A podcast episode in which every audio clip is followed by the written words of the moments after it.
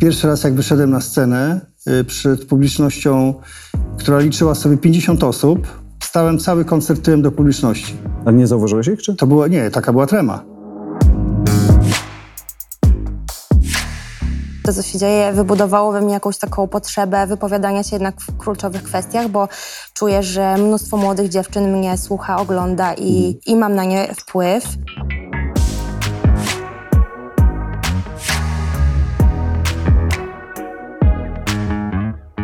Jeszcze nigdy w Perlash Stories nie rozmawialiśmy z osobą, która potrafi przeprowadzić terapię. Mamy cudownych gości, możecie wsłuchać się w niejedną fantastyczną rozmowę, ale nigdy nie siedzieliśmy i nie dawaliśmy sobie czasu na to, żeby pogadać, co nam tak naprawdę w duszy psychologicznie gra. A teraz po pandemii zaczynamy rozmawiać o dwubiegunówce, zaczynamy rozmawiać o depresji. Natomiast ważne dla mnie jest to, żebyśmy rozmawiali o tym z wiedzą i z kontekstem. Kto powinien zainteresować się tym bardziej? Jak my, jako widzowie, moglibyśmy pomóc komuś, komu być może ta pomoc będzie potrzebna? Andrzej Komorowski, psychoterapeuta, już za chwilę będzie naszym gościem.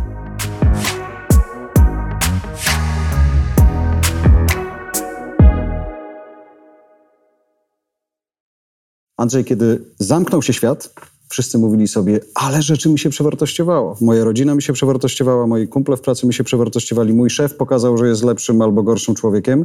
Dzisiaj jesteśmy w świecie, który się otwiera. Masz takie poczucie, że naprawdę udało się parę lekcji odrobić? Jeszcze nie. Dlatego, że niektórzy bardzo odrobili lekcję życia, inni są nadal ślepi i trudno im bardzo zmieniać. To tak jakby zmieniali pozycję polityczną, poglądy, wszystko nagle. A do tego ich zmusza życie, bo doświadczenie im dało zupełnie inne spojrzenie na siebie samych również, bo to na świat to jest... Szef się okazał człowiekiem albo bydlakiem. Mm, e, W, w rzeczywistości takiej, w której się dowiedziałem o kochankach żony, to zawsze wiedziałem, tylko myślałem, że to ja ją zdradzam, a nie ona mnie. E, To takie bzdury oczywiście. Ale zaczynamy się bać. Bo nagle żeśmy się dowiedzieli coś takiego, jak, że jest depresja, jakby jej w ogóle nie było. Oczywiście wrzuciliśmy w internet, przejrzeliśmy dokładnie i znaleźliśmy u siebie co najmniej cztery objawy. Ale na siedem to trzy mniej. Tylko trzy. Tragedia po prostu. Ludzie są przerażeni, dostają histerii. Dotykasz słowa intymność i wydaje mi się, że to był bardzo intymny czas, bo rzeczywiście pozamykaliśmy się, bardzo często Tak. byliśmy sami ze sobą i teraz zastanawiam się, czy udało nam się przygotować na ten otwarty świat w jakimś sensie. Czy rzeczywiście e, pozmienialiśmy na trwałe pewne rzeczy, które wtedy, jak w lustrze, było doskonale widać. No tak, ale wtedy żeśmy nasu- zasuwali do tej roboty tak zwanej Do pokoju obok. wte- przed. No to. przed. A później to był pokój obok. Później zaczęliśmy ze sobą warczeć, na siebie warczeć. Konfliktów było moc. Faceci zaczęli płakać. Nagle i gwałtownie kobiety na to zwróciły uwagę. Niektóre traktowały ich jak mazgai, inne jak menów. No bo ktoś. Nagle żeśmy się dowiedzieli, że istnieje Kanada, nie tylko USA. Wbrew pozorom, bardzo wiele informacji dotarło do nas w ogóle. Nagle zorientowaliśmy się, że wcale, tak jak niektórzy mówili, nie jesteśmy religijni, tacy uniesieni, boscy, tylko w ogóle jesteśmy magiczni, bo plujemy przez ramię, jak widzimy kota albo nie jedziemy, czekamy aż przejedzie ktoś inny za nami, że próbujemy się opierać na mitach, na nieprawdach, boimy się zaszczepić, no bo to wszystko tam w środku to mi chipa wszczepią. Jakbyśmy byli bandą kretynów w ogóle gdzieś, poruszającą się po macku i tak się czasami zdarza. Czasami robimy takie doświadczenia z y, ludźmi, którzy są naszymi pacjentami lub sami z sobą w terapii. Gasimy światło albo zakładamy opaski takie jak do snu i próbujemy ze sobą rozmawiać. Chodzimy po pokoju, wpadając na siebie To po co to?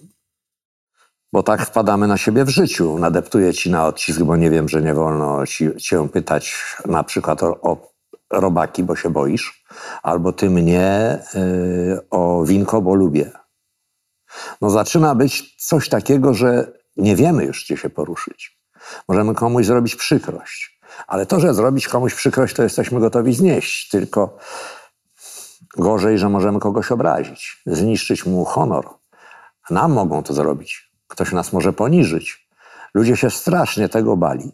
Przychodzili do mnie parami. Ja się właściwie powinien rozejść, proszę pana. My jesteśmy w toku sprawy rozwodowej. Ale ja mam teraz taki zespół lękowy, że ja nie jestem w stanie. I skaczę mu broda, widzę, że się rozpłacze. Ona mówi, już się uspokój, no ja nie wiem, czy od ciebie odejdę, no bo jak ja cię takim mazgaju zostawię? No widzi pan, tak się do mnie odzywa, no. A mm, widziałeś to na liczbach, widziałeś to u siebie w, w telefonie, że próśb o pomoc było więcej? Tak. Ja nie chciałem powiedzieć, tak pierwsza myśl mi przyszła, że to przeciętnie tak jest zawsze w sytuacjach zagrożeniowych, że ludzie wchodzą w zespół emocjonalny, że strasznie operują na emocjach, nie na uczuciach jeszcze. Uczucie jest wyższe, troszkę trzeba go obrobić, a emocje są typową reakcją ducha na każde zdarzenie. Oparzyłem się, tak mi się wydaje przynajmniej. Albo reaguje, to są emocje, wszystko jest emocjami. Ale też emocjonalne jest, że żona z drugiego pokoju coś do nas mówi i nie słyszymy i się na nas wydzieram. Czego nie odpowiadasz? Nie mówi się czego, tylko trzeba mnie zapytać, dlaczego nie odpowiadam. No to ona już jest najeżona. No i zaraz robimy problem. Zaczyna się jedno za drugim. Owa depresja, która nas ogarnia, bo tak sobie szybko rozwiązujemy problem. Mówimy, mamy jednostkę chorobową, jesteśmy, mamy depresję, lęki, stan depresyjno-lękowy albo dwubiegunówka. To rozmowa taka, że raz jesteś spokojny, raz się komuś rzucasz do gardła, a raz siedzisz w kącie i płaczesz. To są stany, które się zrodziły, bo ludzie nie byli przyzwyczajeni, że ze sobą są blisko. Nagle i gwałtownie tak się stało. Do tej pory to ja szedłem do prawa, nie mam o czym rozmawiać z żoną. Nagle i gwałtownie facet mówi do mnie. E, Pacjentów ewidentnie zaczęło być więcej. Zacząłem przyjmować dodatkowy dzień. No bo normalnie to przyjmowałem dwa razy w tygodniu i było w porządku. No już jestem stary, nie bardzo mi się chce, może nie jestem taki skuteczny, nie mam feedbacku. Tylko wiesz, o to, o czym mówisz, że było więcej, ale to musiało oznaczać w takim razie, że też odwagi na to, żeby się zdecydować na poproszenie o pomoc, też musiało być więcej. Albo determinacji, bo odwagi nie było, tylko że po prostu facet już. Okej, czyli znalazłem, znaczy pandemia stała się dla mnie powodem, żeby poprosić o pomoc. Tak. Tak? Lub wytrychem, bo ja już go dawno potrzebowałem tej pomocy. Tylko się wstydziłem. A pandemia mi na to pozwoliła. Ja trochę się śmiałem, że to taki pandemia. Pandemia to diabeł, który siedzi w nas samych. Tak mnie wpędzał w lęk, że ja się po prostu nie dawałem pozbierać. Szybko ludzie brali leki. Musieli pójść do lekarza. No, nie dało rady, żeby za każdym razem przepisał internista. Czasami przepisywali, ale trzeba było pójść do psychiatry. Miałem zwiększoną liczbę pacjentów i mam nadal tych, którzy się decydują na konsultacje psychiatryczne bez żadnego problemu. Do tej pory, jak mówiłem, Poczekaj, psychiatra to psycholog to było coś, zaczynało być coś naturalnego i normalnego. Tak. Psychiatra zawsze był mm, stempel wariat, tak? Tak. A teraz odwaga, żeby jednak poprosić o taką konsultację, była większa. Tak, zważywszy jak sugerowałem, to nie było w ogóle problemu, żeby się nie zgadzali. Natomiast do tej pory musiałem kit im wciskać, mówić, że to neuropsychiatra, bo neurologia ta wyle, wypada, nie? Ja schodzę po tych schodach sobie tak tutaj na dół i co się dzieje? Kręci mi się we łbie, bo mam już zaburzenia neurologiczne po moim wypadku od lat, ale no zejdę bohatersko po tych schodach. To kombinowałem, jak przełożyć torebkę do prawej Dobrze to ręki. wyglądało w kadrze, ale właśnie ten moment, kiedy rozumiem, to mniej boli, tak? Neuropsychiatra Tak. to jest ktoś mniej bolesny niż Tak, usprawiedliwiony. No, ale zobacz, też jak popatrzysz na, na, na, na historię tego zawodu w Polsce, no to mm, zakładam, że ludzie z jakiegoś powodu mają strach, obawę przed tym.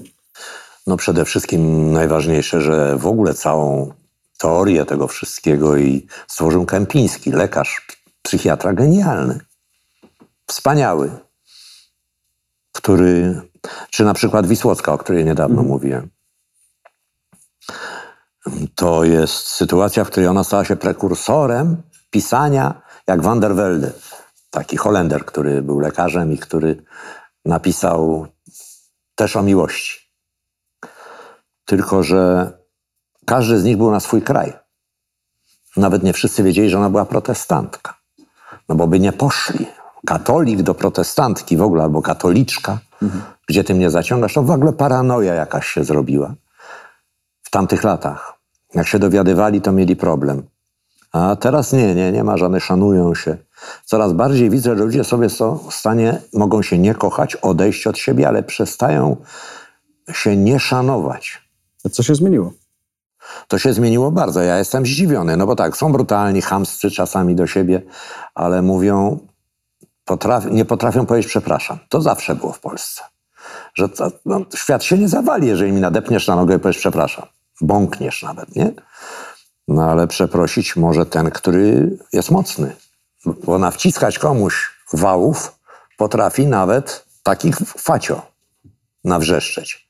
Ale przyjść i powiedzieć przepraszam, pomyliłem się. Nie, ale przez- przepraszam jest trochę tak jak z tym psychiatrą. Jak przepraszasz, to znaczy, że okazujesz słabość, choć ty tak, uważasz, że jest tak. inaczej. A jak przeprasza, to słaby. A jak wrzeszczy i jest mocny, bo tak się to kojarzy, że jak krzyczy, to mocny. Nieprawda, jak krzyczy, to słaby.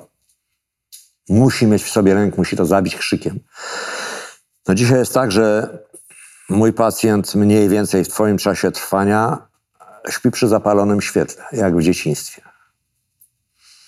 Seks uprawiał, wszystko zapalał światło, żeby to było fajnie, nie?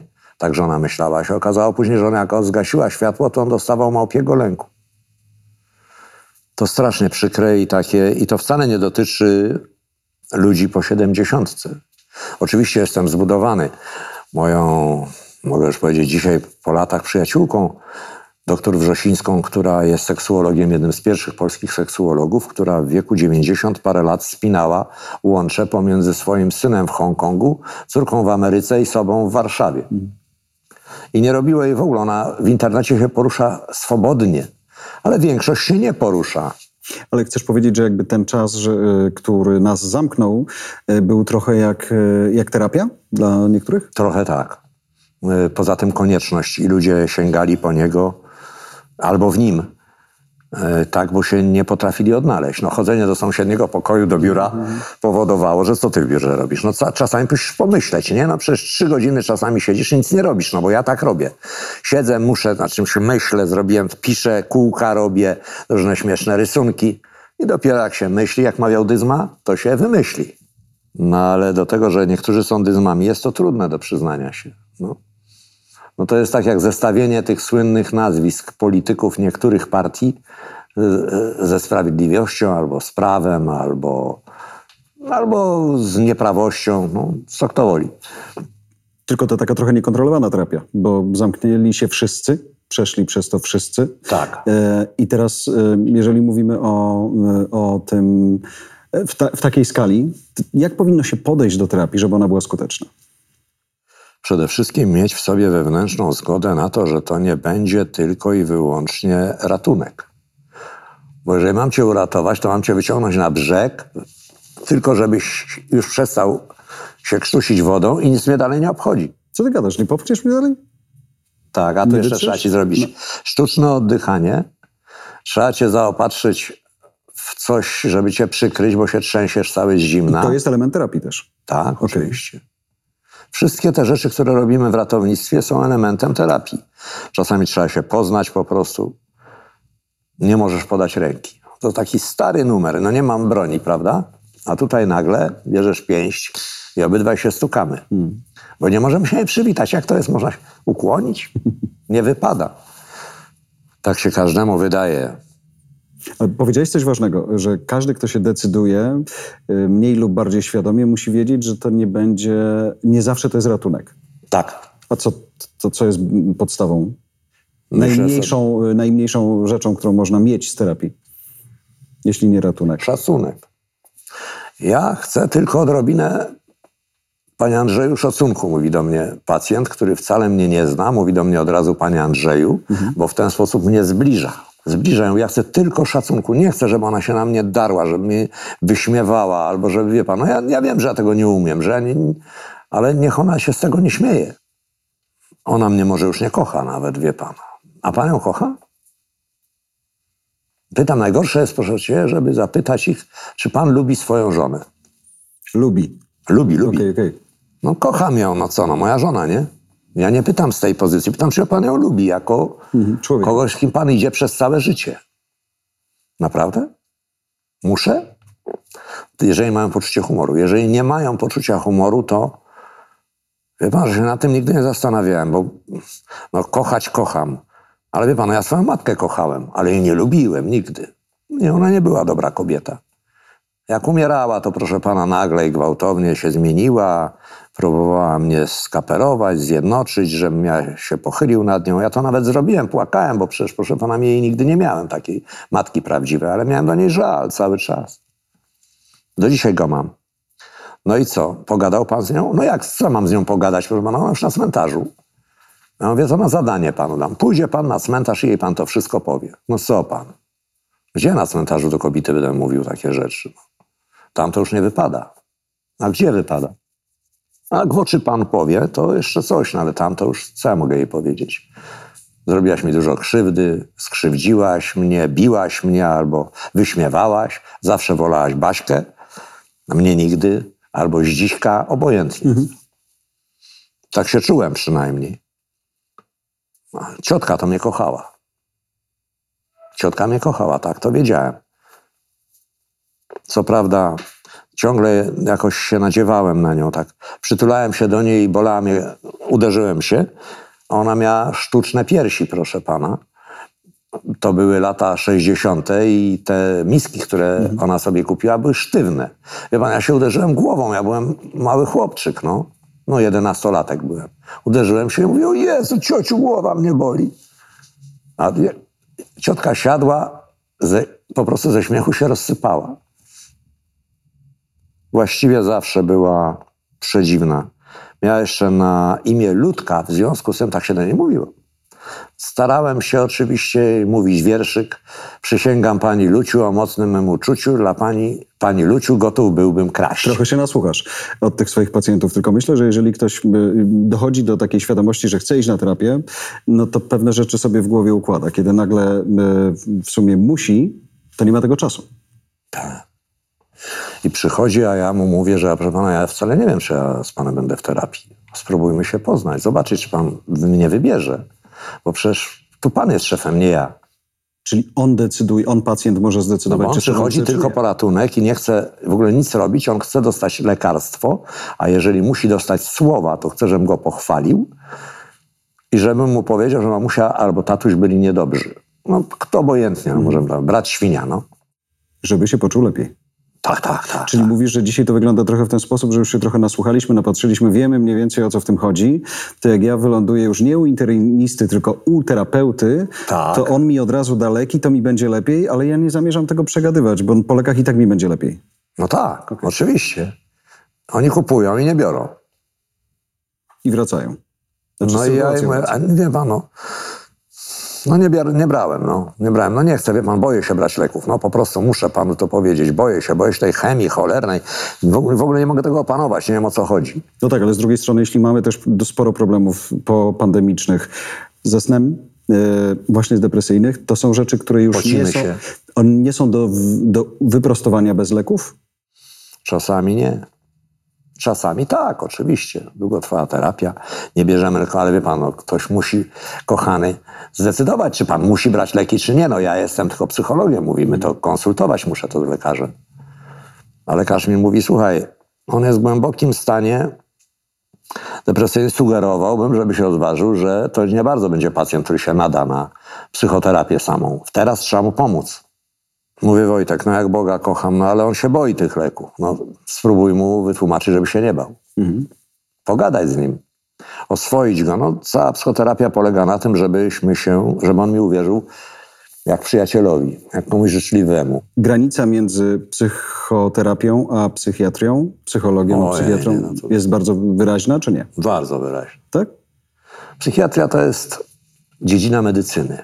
Ona wymaga leków, wymaga oczywiście nauczenia się pewnych psychoterapeutycznych te- technik, ale psychiatra nie musi być psychoterapeutą. Psychoterapia wymaga, jak wskazuje sama nazwa, leczenie ducha, czasami w obrębie emocji, ale czasami w obrębie uczuć i musimy, a my się nie zawsze znamy. Co pan mi tutaj takie, panie, no, Bania Luki opowiada. Ludzie różnie reagują. Ja bardzo lubię prozaicznie naturalnych pacjentów, takich prostych, nie kombinujących. Ludzie się czasami odkrywają, ale wielokrotnie grają te role, które z którymi się nauczyli i mówią, że oczywiście są szlachcicami. Wszyscy Polacy to szlachcice. Wszyscy, każdy Polak to szlachcic. Jak powiedział kiedyś Mleczko, Andrzej w mojej audycji mówi do mnie tak. Słuchaj, wsie Paliaki eta bojary, tak tłumaczył kiedyś pewnej Rosjance. Jak przed laty wyjechał z ZMS-em na obóz. No nie będę tłumaczył w jakich okolicznościach, bo to już sprawa mleczki, ale... Tak jest. A poza tym żona by, mm, jego by już mnie nie zabiła deską z gwoździem, no bo przecież to sama o tym wie od wielu lat i to jest słynna anegdota. Ale on jest genialnym rysownikiem. On potrafi rysunkiem wyrazić mm, znakomity dowcip, czyli musi go mieć w sobie intelektualnie. No ale mówisz o tym, że lubisz takich pacjentów, którzy są w jakimś sensie prości i nie, nie, kon, nie muszą, nie no ale, kombinują. ale to, że Mleczko jest intelektualistą wcale nie oznacza, że nie wyraża rzeczy prosto. Rozumiem, ale bo ty potrzebujesz w, w, w terapii, potrzebujesz kogoś do współpracy. Tak? O Tak. to chodzi. Że Tak, tak. sam nie przegadasz tego życia za Nie, kogoś. nie, nie, w życiu. Mhm. Czasami się nie dogadujemy. On mówi, nie pasuje mi to u pana. No to próbuję podać jeden, dwa adresy zastępcze, żeby Okej. mógł tam pójść. Czasami bierze, czasami nie. Generalnie przychodzą we dwoje. Mhm. Siadają przy stole i zaczynają sobie mówić różne brzydkie rzeczy o sobie. Ja tym, tym ty, ty, typem terapii się zajmuję głównie. Rodzinnej i partnerskiej. No ale czasami dochodzi do takiej rzeczy, że ona ma mu powiedzieć parę dobrych słów i on ma jej powiedzieć parę dobrych słów i on w pewnym momencie mówi coś czułego i nagle albo słyszy od niej coś czułego i się rozlatuje na kawałki, bo no bo się wzruszył. I teraz przychodzi ten czas tej, przepraszam najmocniej, cholernej pandemii, gdzie nas wszystkich coś zagroziło. Już mamy różne książki o w czasach zarazy i to od prawieków. Nigdy żeśmy o tym nie zapomnieli. Nikt nas co prawda nie musi wywlekać teraz bosakami do wspólnego grobu. Choć różnie bywa w różnych częściach świata. Tak, między innymi tak było. Ale chcesz powiedzieć, że nie dało się tego nauczyć, żeby się przygotować na, na inne wspólne życie w, w nowym czasie. Tak? No tego się nie udało, no po prostu. Nie chciałbym wchodzić w politykę, ale Nie, to nie ją wchodząc w zostawmy, politykę, ale myślę myślę teraz... sobie, że ludzie mają różne podejście do rzeczywistości i myślę, że warto powiedzieć również o sobie, że jest słabym czasami. Jest różnica między psychiatrią, psychoterapią, ale też jednocześnie poradnictwem. Czy dużo spraw udawało się załatwić y, takim właśnie mm, Tak. przegadaniem? Li tylko? Tak. Czasami ludziom potrzeba impulsu do tego. Poza tym dowiaduje się, że nikt go nie obnaży, że nikt mu nie każe mówić więcej niż pragnie, że nie będzie musiał mówić o tym, że w gruncie rzeczy podglądał siostrę, albo że nie będzie musiał mówić o tym, że ukradł ojcu 100 zł z portmonetki. Nie, nie będzie musiał tego powiedzieć. Każdy ma swoje takie grzechy, mniejsze lub większe. Zawsze tak jest, że trzeba się cofnąć tak daleko, kiedy się jest na terapii? Czasami trzeba wrócić do początku. Czasami trzeba powiedzieć sobie, że najważniejszy dla mnie był mój dziadek. Albo moja mama razem ze mną popłynęliśmy kajakiem po Wiśle. Wie pan, to ostatni nasz ważny. Ja z matką tak podróżowałem, byłem, wie pan, sam wychowywany przez mamę, więc troszkę się zachowywaliśmy jak nauczycielka z uczniem albo przyjaciele. Im starzałem się bardziej, tym było lepiej.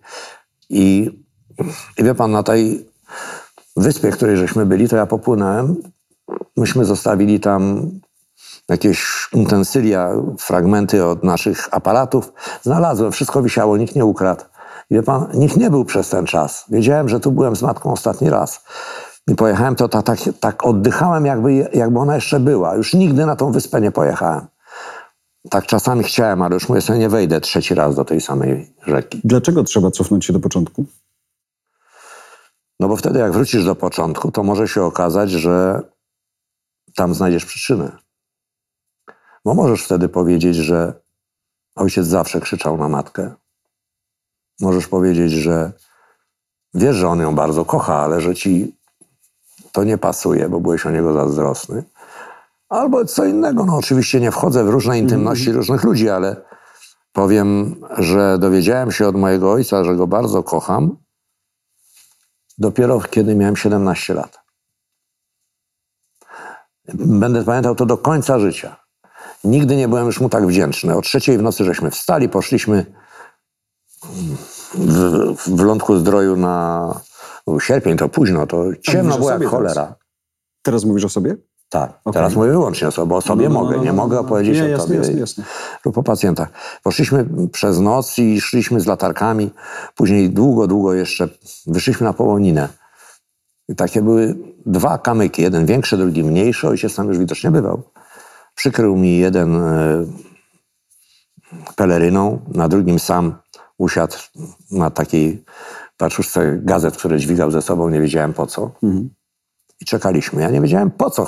Krew mnie zalewała, bo po prostu no, zrobiłem to, że mu wreszcie było mu miło, no bo ja, tak to on mi dawał pieniądze. Ja chodziłem na five o'clock i było cacy.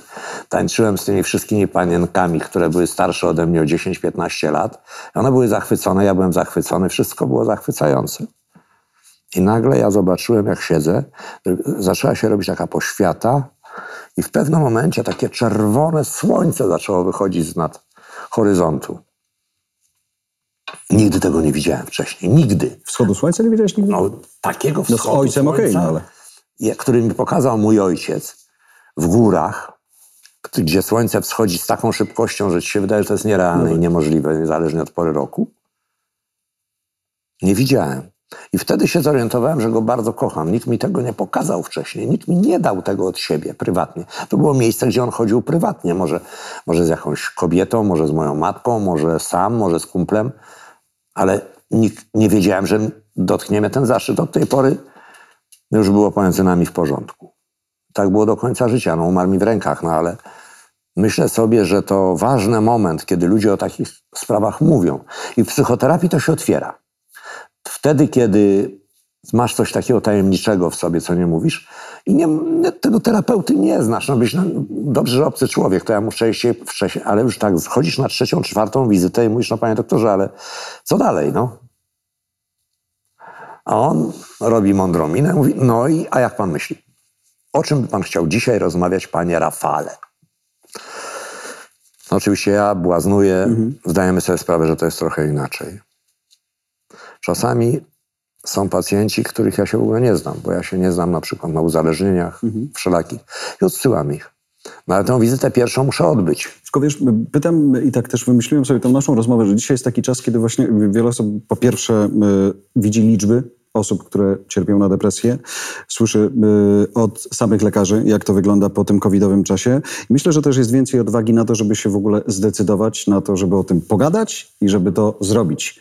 I teraz y, No i więcej wiedzy, że się tego nie da na jeden raz. No właśnie, bo zastanawiam się, czy to jest tak, że jesteśmy w stanie sobie z pewnymi rzeczami poradzić i potrafimy rozpoznać te rzeczy, z którymi na pewno damy radę sobie sami, a które wymagają pomocy osoby drugiej lub trzeciej.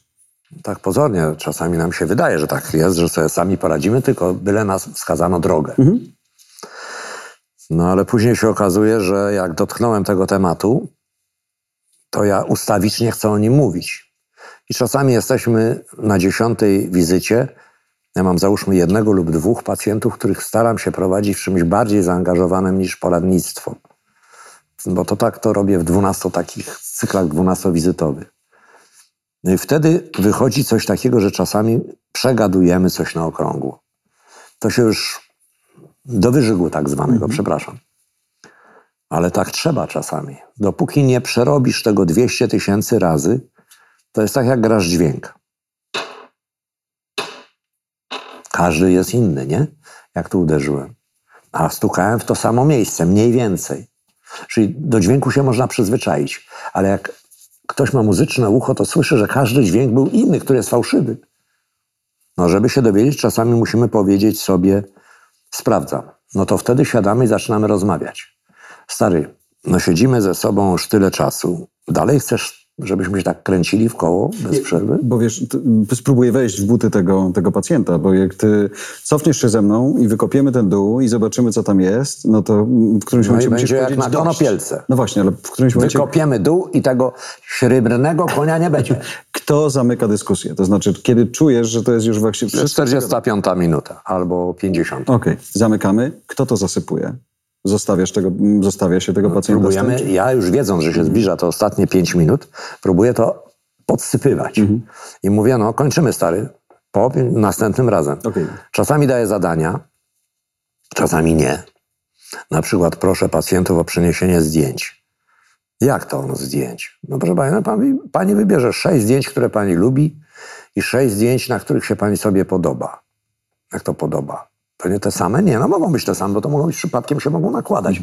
Ale sześć zdjęć, które są dla pani ważne. No na przykład, no mówię, zdjęcie pani babci, jak jest dziewczynką i idzie z, ze swoją mamą za rękę. Hmm. Miałem kiedyś pacjentów, którzy się obydwoje sprzeczali. Ona chciała, żeby takich zdjęć nie przynosić, a on koniecznie chciał. Chciał pokazać swój dom rodzinny. Był chłopem. Dla niego to było ważne, że miał takich dziadków, którzy jeszcze boso sobie zrobili zdjęcie, wie pan. Jak na tym mm, filmie, y, wie pan, no, co oni tam pociągiem jadą, przyjeżdżają. Mm, Kargul z tym, z, No sami swoi. no sami swoi, no, no, no widzi pan, no sami sami swoi, no. No to tak to wygląda. Okej, więcej. ale bo, bo wiesz, myślę o tym, że jest takie, właśnie ponieważ słowo depresja weszło do słownika właściwie takiego bardzo codziennego, jest przez niektórych uważane za coś takiego oczywistego, w sumie, że po, po pandemii my musimy być w Tak. No, ale depresji. samo słowo, znaczenie tego słowa jest oczywiście zadołowałeś, stary. No, dlaczego? No bo już tak dałeś sobie czadu, że po prostu tej dopaminy nie starczyło. Serotoniny również, przepraszam, że tak przekładam. Mm, I pozostaje ci tylko agresja do siebie samego, pogarda, złość, wściekłość na żonę. Generalnie myślisz o niej coraz gorzej.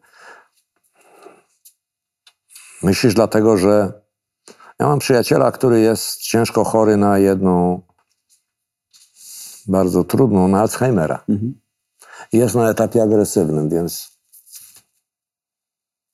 więc czasami nie szczędzi słów swojej żonie, chociaż oczywiście to nie jest y, jego celem. On ją kiedyś bardzo kochał, było wszystko ok, zawsze dominował, ale no nie tak, a teraz jest od niej kompletnie zależny. Kompletnie. Od A do Z. No więc jeśli chcemy to wszystko ułożyć, to musimy się trochę znać na tej biologii, chemii, na tym wszystkim. Jeżeli ten facet przychodzi, to ja muszę tam przynajmniej część wytłumaczyć. Wytłumaczyć, o co chodzi. Teraz, jeżeli dotykamy tych trudnych tematów dzieciństwa, prywatności, podglądania matki, to zaczynamy przekraczać granice. Jeżeli przekraczamy te granice, ja próbuję tak powiedzieć, że ludzie mają poważniejsze problemy czasami niż podglądanie siostry lub mamy, bo to jest w okresie rozwojowym normalne. Ale to jest też problem, kiedy nie potrafimy przeprosić, albo kiedy jesteśmy, czujemy się, że nie mamy zdeterminowanej płci. I co możemy zrobić? No proszę pana, no, mam problem. Przyszliśmy tu z mężem we dwoje, ale tak naprawdę no, mam wrażenie, że mój młodszy syn nie bardzo wie, kim jest. On nie wie, czy jest kobietą, czy jest mężczyzną. No i to jest problem stary, no bo go kochasz, szanujesz, wszystko. A naraz musisz stanąć przed dylematem, że nie ma Józka. No co będziesz mówił, Józia? Nie będziesz mu tak mówił, bo on wcale nie ma zamiaru wszystkich tych operacji wykonać i zmienić to, ale on nie wie, kim jest, to jeszcze na temat identyfikacji jego płci i kim on się czuje, to jeszcze może być parę chwil na wizyty, żebyś się dogadał z nim, kim on jest. Czy z perspektywy psychoterapeuty to, że mówi się coraz więcej o depresji, o chorobach psychicznych jako takich, Tak. y, to, y, ale nawet ostatnio głośna sprawa jednej z dziewczyn, która jest y, znana publicznie, bo wykonuje bardzo fajną robotę w sieci, dwubiegunowość jako Tak. taka, to, jest dobrze, że się o tym mówi więcej, że tej wiedzy Tak, no bo to więcej? edukacja. My nie możemy właściwie bez, bez przerwy fałszywi. To jest tak, jak mówimy, powiem ci o religii, której w ogóle w nas nie ma, tylko jest magia. I to forma jest, no bo trzeba mieć iść do kościoła. No. To tak samo jest też, że a, koście, a księża zawodzą. No, ludzie zawodzą, wszystkich generalnie, nie tylko księża, ale ludzie. Ale księża też dają czadu ostatnio. To może jest tak, że psychoterapeuci też, no, można powiedzieć. Może dziennikarze, może. Wszyscy mamy problemy. Każdy z nas ma prawo do problemów, bo tak się dzieje, że za duża bliskość jest tak samo niedobra, jak, za, jak oddalenie. Ludzie za sobą tęsknią. No czasami z, tego, z tych czułych listów można mieć syna, albo z tych czułych listów można mieć córkę, ale nie zawsze. Najczęściej się z czego innego robią dzieci. Tylko, że wiesz, użyłeś słowa problemy, y, że wszyscy je mają i teraz y, bardzo często i bardzo długo się mówiło, że to są po prostu problemy, więc się ogarnij, się No. weź w garść, się otrzyj se łzy, a nie będziesz opowiadała mi o tym, że masz taką chorobę, taką chorobę, taką chorobę i nagle jest gdzieś taka, y, taka, taka dyskusja właśnie mówiąca o tym, czy na pewno nie przesadzasz. to możesz w pracy, stary. No bo ty masz do zrobienia zadanie i nie jesteś, że tak powiem, Eugenią Palej przepowiadającą przyszłość, albo nie jesteś opiekunem w tej, w tej pracy. Masz tylko być szefem. Krótko organizować krótkotrwałe zadania. To myślę, ty się, słuchaj, ja wiem, że miałaś trudną sytuację, to weź urlop, dwa, trzy dni, ale jak nie bierzesz, to się ogarnij i zabieraj się za robotę. No o czym będziemy tu mówili? Tam możesz, ale tutaj A nie tu już możesz. nie da rady, Tylko Jak stary. znaleźć, wiesz Andrzej, z boku patrząc, y, nawet próbując pomóc komuś, y, jak znaleźć tą granicę, że właśnie to jest tylko na słowo weź się w garść, a to jest już na terapię. Czasami jest tak, weź się w garść, bo trzeba czasami wziąć się do roboty, nie? Czyli wy- wyszoruj podłogę, to ci przejdzie. No nie zawsze. Nie zawsze. Czasami kończy się szorowanie i człowiek zaczyna szlochać. Ludzie czasami mają różne reakcje, nachlają się. Później mają 1,1 promila alkoholu i patrzą w telewizję i nagle widzą strażaka trzymającego malutkie dzieciątko na ręku. A przecież jechali tylko no, kupić jeszcze dwa piwa chciał. No nic więcej nie chciał. No. Nie wiedział, nie zwrócił uwagi, że jest tak nachlany, że jedzie 160 i zabił matkę i ojca. Czyjegoś. Ten dwójpółletni chłopczyk został sam. A pytanie teraz, popatrzcie, co się stanie z tym facetem, który to zrobił. On już miał zabrane prawo jazdy, już było źle. I teraz on staje przed sytuacją, w której jest w kompletnej D. Już się nie potrafi pozbierać. I co, pójdzie teraz do psychoterapeuty? No trzeba coś z tym zrobić, no. Wykombinować, stanąć. Czy my, nie wiem, bo jesteśmy rodzicami, albo bo jesteśmy przyjaciółmi, albo mm, bo jesteśmy w związku i e, czujemy, widzimy, ale i być może powinniśmy mieć jakieś umiejętności, które ty mógłbyś pokazać teraz, które mogłyby dać nam mm, e, trochę więcej e, wiedzy, żeby to rozpoznać. Nie? Że to jest już moment, w którym warto by było kogoś gdzieś wysłać, a nie tylko próbować go na siłę e, prostować. Wiesz, kiedyś miałem taką sytuację, że posłałem pacjenta do koleżanki, a ona do mnie dzwoni i mówi tak, ale słuchaj, on jest czarny. Ja mówię, znaczy się, że co? Bo nie zrozumiałem w pierwszym momencie w ogóle, co, co ona powiedziała. No czarnoskóry jest. No ja mówię, no i co ci to przeszkadza? W czym? No facet do ciebie idzie z problemem. Ci mniej więcej, ale nie powiedziałem ci, chciałem cię uprzedzić, wiesz, zapomniałem po prostu ci to powiedzieć. Ale ona nie jest obyta, rozumiesz? Ona czeka na trzech króli, ale jeden musi być Kacper, drugi musi być Melchior, ale Baltazara nie przewiduje. Kacpra nie przewiduje, przepraszam. Bo on jest czarnoskóry. I to jest problem dla lekarza, psychoterapeuty, rozumiesz, urzędnika na poczcie. No, chore, nie? No ale my nie żyjemy w kraju, gdzie masz co chwilę przechodzących ulicą Amerykanów, którzy są różnokolorowi. To nie jest Kanada, gdzie jest mnóstwo Indian, których traktowano kiedyś te dzieci indyjskie w sposób taki, że dzisiaj przerażenie nas ogarnia, kiedy myślimy, że owe znakomite zakonnice zrobiły im krzywdę. Zrobiły. Czy wyjdą z tego z rozgrzeszeniem? Nawet jak dostaną te rozgrzeszenie, czy sobie rozgrzeszą siebie? Nie wiem. To jest tak, że człowiek, który zabija drugiego człowieka niechcący, bo przecież nie przewidywał, nie jechał na to, żeby tam kogoś potrącić, nie? A 160 rozwinął, no bo nie zwrócił uwagi. Wypadek był, bo wpadł w ślisko. Nie no. Jest czasami strasznie. Facet mówi, wie pan, no i co ja teraz zrobię? Niech pan mi powie, co ja mam teraz zrobić. No zrobiłem źle. Proszę pana, ja wiem, zdradziłem żonę z jej siostrą. Zostało w rodzinie. Próbuję się usprawiedliwić, wie pan, tak? E, proszę pana, no. No ale żona zawsze mi mówiła, że ona wycinała różne numery. Nie wiem, co mnie naszło, wie pan, nachlałem się troszkę. Wcale nie jest żadnym bucem. Tylko tak próbuję sobie spłycić, więc mówi grubo, żeby się nie denerwować samemu. O tym właśnie mówię, żeby nie spłycać, tylko żeby znaleźć sposób, żeby komuś wskazać e, lepszą e, i e, skuteczniejszą drogę. Czy jest tak, że czasami lepiej na wszelki wypadek, jeśli mamy taki wybór, nie? albo może sami załatwimy sprawę, albo wyślijmy do, go, do kogoś, kto mu pomoże, lepiej zrobić to drugie, Tak, szkoda będzie mniejsza. tak. Bo rozumiem, że Nie jest żadnym problemem pomocą... przyznanie się do tego, że się tego nie potrafi. Mhm. Nie jest też żadnym problemem nagle i gwałtownie powiedzenie, że ja tego nie umiem. Nie umiem, nie pomogę panu, bo pan się chyba pomylił. To ja nie jestem specjalistą od tego. Ja robię to, to, to, a tego nie umiem, nie potrafię. To co ja mam zrobić? No, proszę pana, czy pa, ja płacę za wizytę? Jak pacjent siedzi u mnie pół godziny i ja się zorientowałem, że on mówi mi rzeczy, do których ja mu kompletnie nie potrafię pomóc, ja się na tym nie znam, to go odsyłam gdzie indziej, nie biorę pieniędzy. No ale to jest poradnia, która nie jest moja. Ja tam jestem wynajęty, proszę pana. Czasami trzeba zapłacić za pacjenta. Czasami można powiedzieć, że trudno nic pan nie płaci. Jak masz normalnego i dobrego szefa. Czy do terapii trzeba odwagi? Odwagi? Mhm. Do prowadzenia trzeba terapii odwagi i do bycia pacjentem trzeba odwagi. Mm, Nawet jak się dużo umie. Ja nie sądzę. Myślę, że jestem dyletantem w wielu elementach, ale w poradnictwie jakoś sobie radzę. I w takiej psychoterapii, której mam czas poświęcić czas temu komuś, naprawdę. Bo czasami nie trzeba wcale głębokiej psychoterapii stosować. Wystarczy człowieka. Dawniej było jeszcze tak, że wie, wiesz, można było kogoś przytulić. No dobrze, miałem ciągle zbrudzone prawe ramię. Przytulałem te pacjentki i tych pacjentów do prawego ramienia. No, faceci byli nieumalowani, ale kobiety były. No więc ciągle miałem szminkę gdzieś tutaj albo tutaj tuż.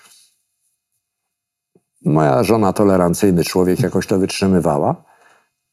Zresztą sama jest z branży, ale to nie wystarczało. Dzisiaj już nie mogę przytulić pacjenta. To chore na głowę się zrobiło po prostu. Ale jak chcesz kogoś przytulić, to masz wrażenie, że później dowiadujesz się, że ona miała położoną torebkę i ci filmuje cały czas zdjęcie. Czyli trzeba tej odwagi, czy nie? Trzeba. I trzeba dystansu.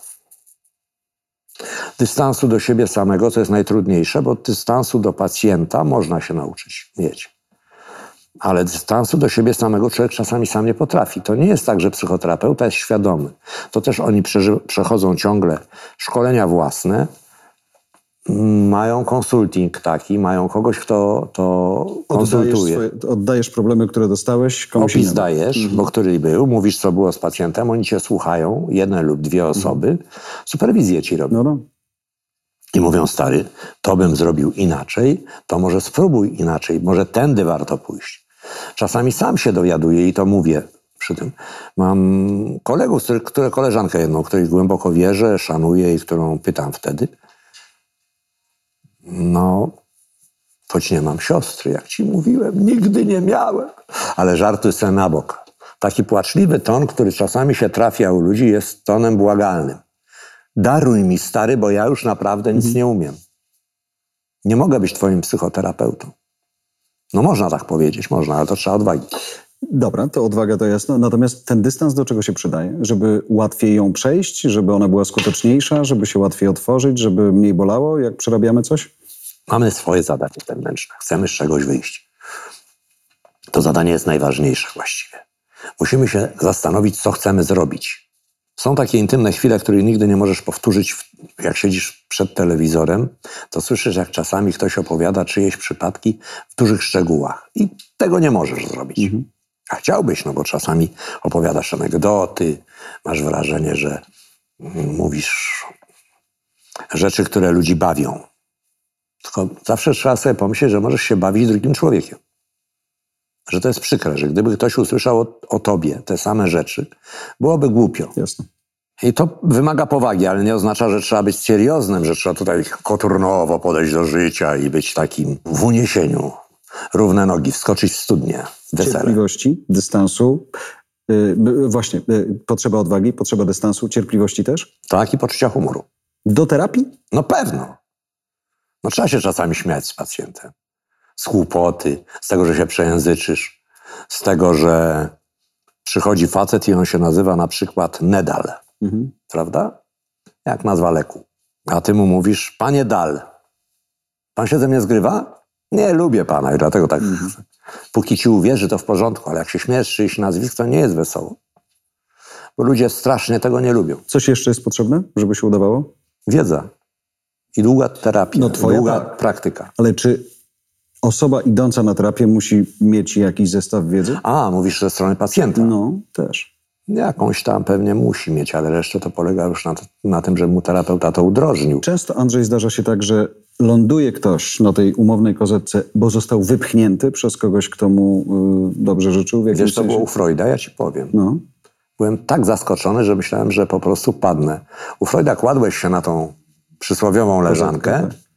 i nagle głupiałeś, bo nad sobą miałeś lustro. Całe, cały dom londyński Freuda, doktor Freud przyjechał do Londynu, bo Niemcy go puścili. Po prostu nie chcieli go skasować, bo to by był zwy, zbyt wielki skandal, a to był dopiero początek lat. On w 40 roku przyjechał do Londynu. No i, i dostał dom, w którym mógł się urządzić i w tym domu najbardziej zdziwiło go, kiedy tak pierwszego dnia wyszedł na spacer. Ktoś mu się kłania. No, odkłonił się, bo był uprzejmy. Drugiego dnia to samo, trzeciego dnia to samo. Jak poszedł już po zakupy na targ i kiedy straganiarka mówiła mu Morning, Mr. Freud. Mówiła, pani mnie zna? Przepraszam bardzo. No pan tym słynnym Austriakiem czy Niemcem, przepraszam pana, nie chcę pana obrazić, jest, który do nas przyjechał. Nie jestem Żydem, proszę pani, powiedział Freud. A to źle, czy dobrze? Czy pan oszalał? I wtedy Freud, który był Żydem, austriackim Żydem, nagle dowiedział się, że sam jest rasistowski w swoich formułowaniach. Powiedział, bardzo pani dziękuję, przepraszam. Od tej pory będę pamiętał o dzień dobry, panie Freud. I trzeba pamiętać, że ktoś cię może znać, a jak cię nie zna, nawet osobiście, to o tobie słyszał. I dowiaduje się. I nagle i gwałtownie wie, żeś popełnił wiele bzdur po drodze. Wycofaj się z tego. Jak nie potrafisz, to idź już dalej prostą drogą. Człowiek powinien mieć wewnętrzną odwagę powiedzieć sobie, stary, już nie idź tą drogą. I to się dzieje tak samo z pacjentem jak z terapeutą. Więc ja dlaczego tak mówię dużo od tej strony terapeuty? Żeby pacjent zobaczył, że ten człowiek też nie jest omnipotentny, nie jest genialny, ma też swoje problemy, ale może o tych problemach rozmawiać, dlatego że się nauczył, tak, ale ty jesteś w sytuacji bez wyjścia. Znalazłeś się w sytuacji, w której żona chce od ciebie odejść, córka tobą pogardza, kochanka cię rzuciła. I co? Co ty masz zrobić? Matka umarła.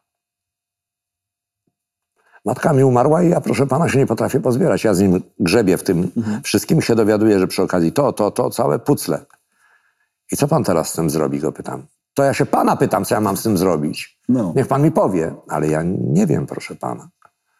Ja razem z panem mogę się przybliżyć do tego problemu. No to poczekaj, wracamy na ten brzeg. Wyciągnąłeś go z rzeki, y, on czeka na ręcznik, czeka na świeże ubranie, czeka Tak. na suche buty, a ty mówisz, ale ja nie mam tego dla ciebie? Nie, nie ma. Nie ma. No to co mam zrobić? No. No, kochany. No trzeba biegać, suszyć się szybko. To oczywiście bzdura. Albowiem człowieka okryć można z różnych powodów, a, a czasami nie trzeba. Po prostu, jeżeli ukradziono mu wszystko, to przecież nie jest śmieszne, że idzie goły. Jeżeli odebrano mu godność, odebrano mu wszystko, on sam na to zasłużył, bo on sam na to zapracował, jak ten kierowca, który zabił tę parę i zostało tylko to dziecko. No to czasami ten pręgierz trzeba unieść. To niedobre, nieprzyjemne, przykre bardzo. Ale jedyne. Tak. I czasami to trzeba unieść. To trudne, ale wracając od strony pacjenta do takiego podejścia z zaufaniem. Przez wiele lat różnych ludzi w takich sytuacjach. Teraz, kiedy jest popandemicznie i kiedy oni są sami i ktoś, ktoś im umarł. Tak jak, no nie będę mówił gdzie, w każdym razie blisko mnie osiem osób umarło. Na pande- podczas pandemii, na COVID. A i to są sąsiedzi, którzy się jeszcze nie chcą szczepić. Cały czas magicznie szukają ucieczki przed tym. Bo jak się zaszczepią, to znaczy, że może było im coś grozić, a oni te wszystkie ryzyka, które popełniają, mm, przecież tego nie ma. To jest słynne pytanie do mędrca, który patrzy przez lunetę i mówi: Tam niczego nie ma. Patrzysz przez lunetę, mówisz: Tam niczego nie ma. Po co ja będę patrzył przez lunetę? Kardynał do słynnego filozofa, który nagle i gwałtownie miał stracić za to życie, że się zajmuje filozofią, powiedział, że tam niczego nie ma, nie spojrzę, ale tam jest nieboskłon, eminencjo. Zajrzyj, zobacz, tam są gwiazdy. Tam niczego nie ma. Takie można przyjąć rzeczywistości. Teraz wyobraźmy sobie, że ten kardynał nagle przykłada to oko do tego i, i widzi, że tam są gwiazdy. I jest przerażony, bo nagle nie może dostrzec Boga. Do tego nie potrzeba, żeby odnaleźć Boga, nie potrzeba szukać lunety. Czy jednakże dzisiaj ludzie mają taki dylemat, panie, no ja, ja może bym nawet trochę wierzący był, ale wie pan, bo tak się wychowałem w tym domu, ale no nie mogę, co ci księża wyrabiają. A popełnił straszny czyn. Ja próbując go sprowokować, mówię, no ale wie pan, oficerom też się to zdarza. Straży. No tak, no pan jest ze straży. Niech pan nie mówi, bo nie powinienem. I ten facet tym słowem nie powinienem właśnie rozpoczął element, w którym mogliśmy dopiero rozmawiać. Wracając do tego e, na koniec człowieka, któremu, tak jak mówisz, właściwie to nie jestem w stanie ci nic dać. No Jakby wyciągnąłem cię i radź sobie sam. To jest duża odpowiedzialność dla ciebie, nie? Słucham? Duża odpowiedzialność dla terapeuty, dla ciebie, powiedzieć komuś, nie wiem. Nie wiem, jak ci pomóc. Do tej pory żeśmy zrobili wszystko to, czego mogłem ci, o co ci mogłem oferować. Umiałem tylko tyle. Dalej musisz iść drogę sam.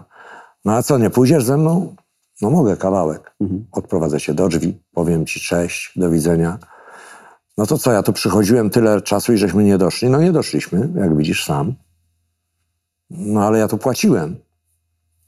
I co, y, chcesz, żebym teraz ci oddał pieniądze za to, że przychodziłeś na bezdurno, a ja nic nie umiałem? No nie, nie, nie, dużo się dowiedziałem też, no. Przepraszam cię, bo się tak zdenerwowałem się. Ta rozmowa była autentyczna, mniej więcej powtórzyłem. Ale facet przyszedł mi podziękować za parę lat. Z innego powodu. Nie rozwiódł się pokochał swoją córkę, potrafił być normalnym człowiekiem. Ja nawet nie dostrzegłem, że mu w tym pomogłem. Ja nie zauważyłem. Wystarczyły prozaiczne rzeczy i popracowanie trochę. Także nie wymagajmy, żeby każdy terapeuta uważał siebie za absolutnie nieomylnego i dobrego człowieka. Oni czasami też nie wiedzą. Biorą pieniądze, no bo wynajmują swoje lokale i muszą przyjmować, muszą z czegoś żyć, mogą nie oszukiwać i też wypełniać te wszystkie kwitki. Bo sytuacja nie musi być tak jak u taksówkarza. To co, mam panu dać kwitek? Czy nie?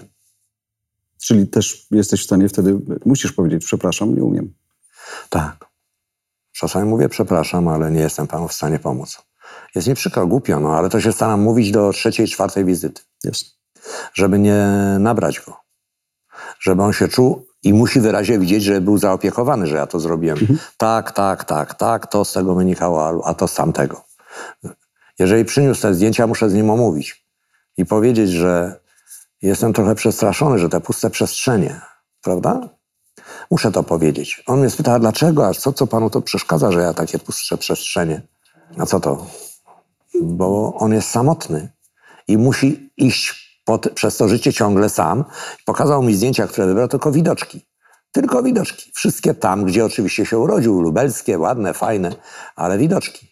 A dlaczego mi nie pokazał ludzi? Dlaczego mi nie pokazał wsi? Dlaczego mi nie pokazał psa? No bo tu już by musiał kogoś uosobić. A tylko pokazywał mi te puste przestrzenie, żeby powiedzieć, ja się stary boję, ciągle się boję. Ja nie umiem być sam. Nie jest to łatwa robota. Czy ja wiem, czy każda robota jest trudna.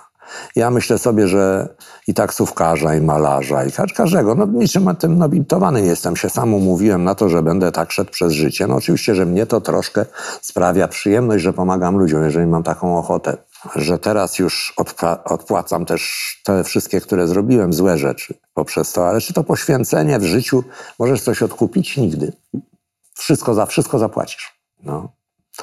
Wczoraj patrzyłem, jak w filmie, i to tak będzie też podsumowanie z mojej strony, jak w filmie o kupowaniu zamków coś sobie, ludzie kupują we Francji stare zamki i próbują je remontować.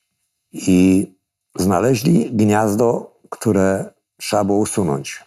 I facet jak w magii miał wyrzut sumienia i przepraszał wewnętrznie kunę, że jej usuwał barłuk, że jej niszczył to wszystko. Ale może tak czasami trzeba zrobić. To jest tak, jak nadepniesz na karalucha i go rozgnieciesz. I jak sobie pomyślisz, że przeczytałeś książkę, w której ludzie odżywiali się karaluchami, bo tylko to dawało im białko w obozie e, wojskowym dla Amerykanów i Anglików mm, gdzieś tam na Tajwanie, czy gdzieś pod w Azji, specjalnie nie podaję miejscowości, to, to myślisz, że tak, że trzeba. I że musisz powiedzieć, przepraszam, że tak się czasami dzieje. A to, że czasami nie potrafisz, no to to jest naturalne, tylko powiedz, że nie potrafisz. Czasami kiedyś nie mówiłem, kiedyś się z tym kryłem i było mi niedobrze i niemiło. Dzisiaj staram się to mówić. Może dzisiaj odpłacę jednej, dwie osobie, a nie stu. Ale będę się starał. Tyle, co obiecać mogę. Natomiast czy sam bym poszedł kiedyś do terapeuty? No, dwa razy byłem w życiu. Musiałem. Nie dlatego, że musiałem wykonać swoje konsultacje, żeby ktoś popatrzył, jak przyjmuję, tylko też sam poszedłem, bo po prostu myślałem, że oszaleję. Też było mi źle i trudno. Nie wiem, czy miałem depresję. Miałem zespół lękowy. Nie wiem, czy miałem dwubiegunówkę. Chyba nie miałem, naprawdę. Z tego, co się znam, na, na rzeczy nie miałem. Ale miałem ostry zespół lękowy i że tak mi z tym się powiodło, to dziękuję temu terapeucie bardzo. Już go nie ma, umarł. Ale nie zabrał mimo wszystko mojej tajemnicy do grobu, bo ja ją pamiętam. I jest mi z nią trudno, ale dzięki niemu właściwie wyszedłem. A był poważnym, fajnym facetem, moim kolegą, do którego miałem ufność. Wyszedłeś i pomagasz innym. Bardzo dziękuję za spotkanie Ja i bardzo rozmowę. dziękuję. Czuję się, Dziękuję Ci też za taką aurę, którą mam przyjemność mieć z Tobą wielokrotnie, nawet jak się czasami zdarza nam tak, że prowadzimy jakąś krótką rzecz, mnie zapraszasz i się pokłócimy coś tam. Nie, Nic mi to nie przeszkadza. Tęsknię do tego. Bardzo Ja też. dziękuję. Cześć. Dziękuję.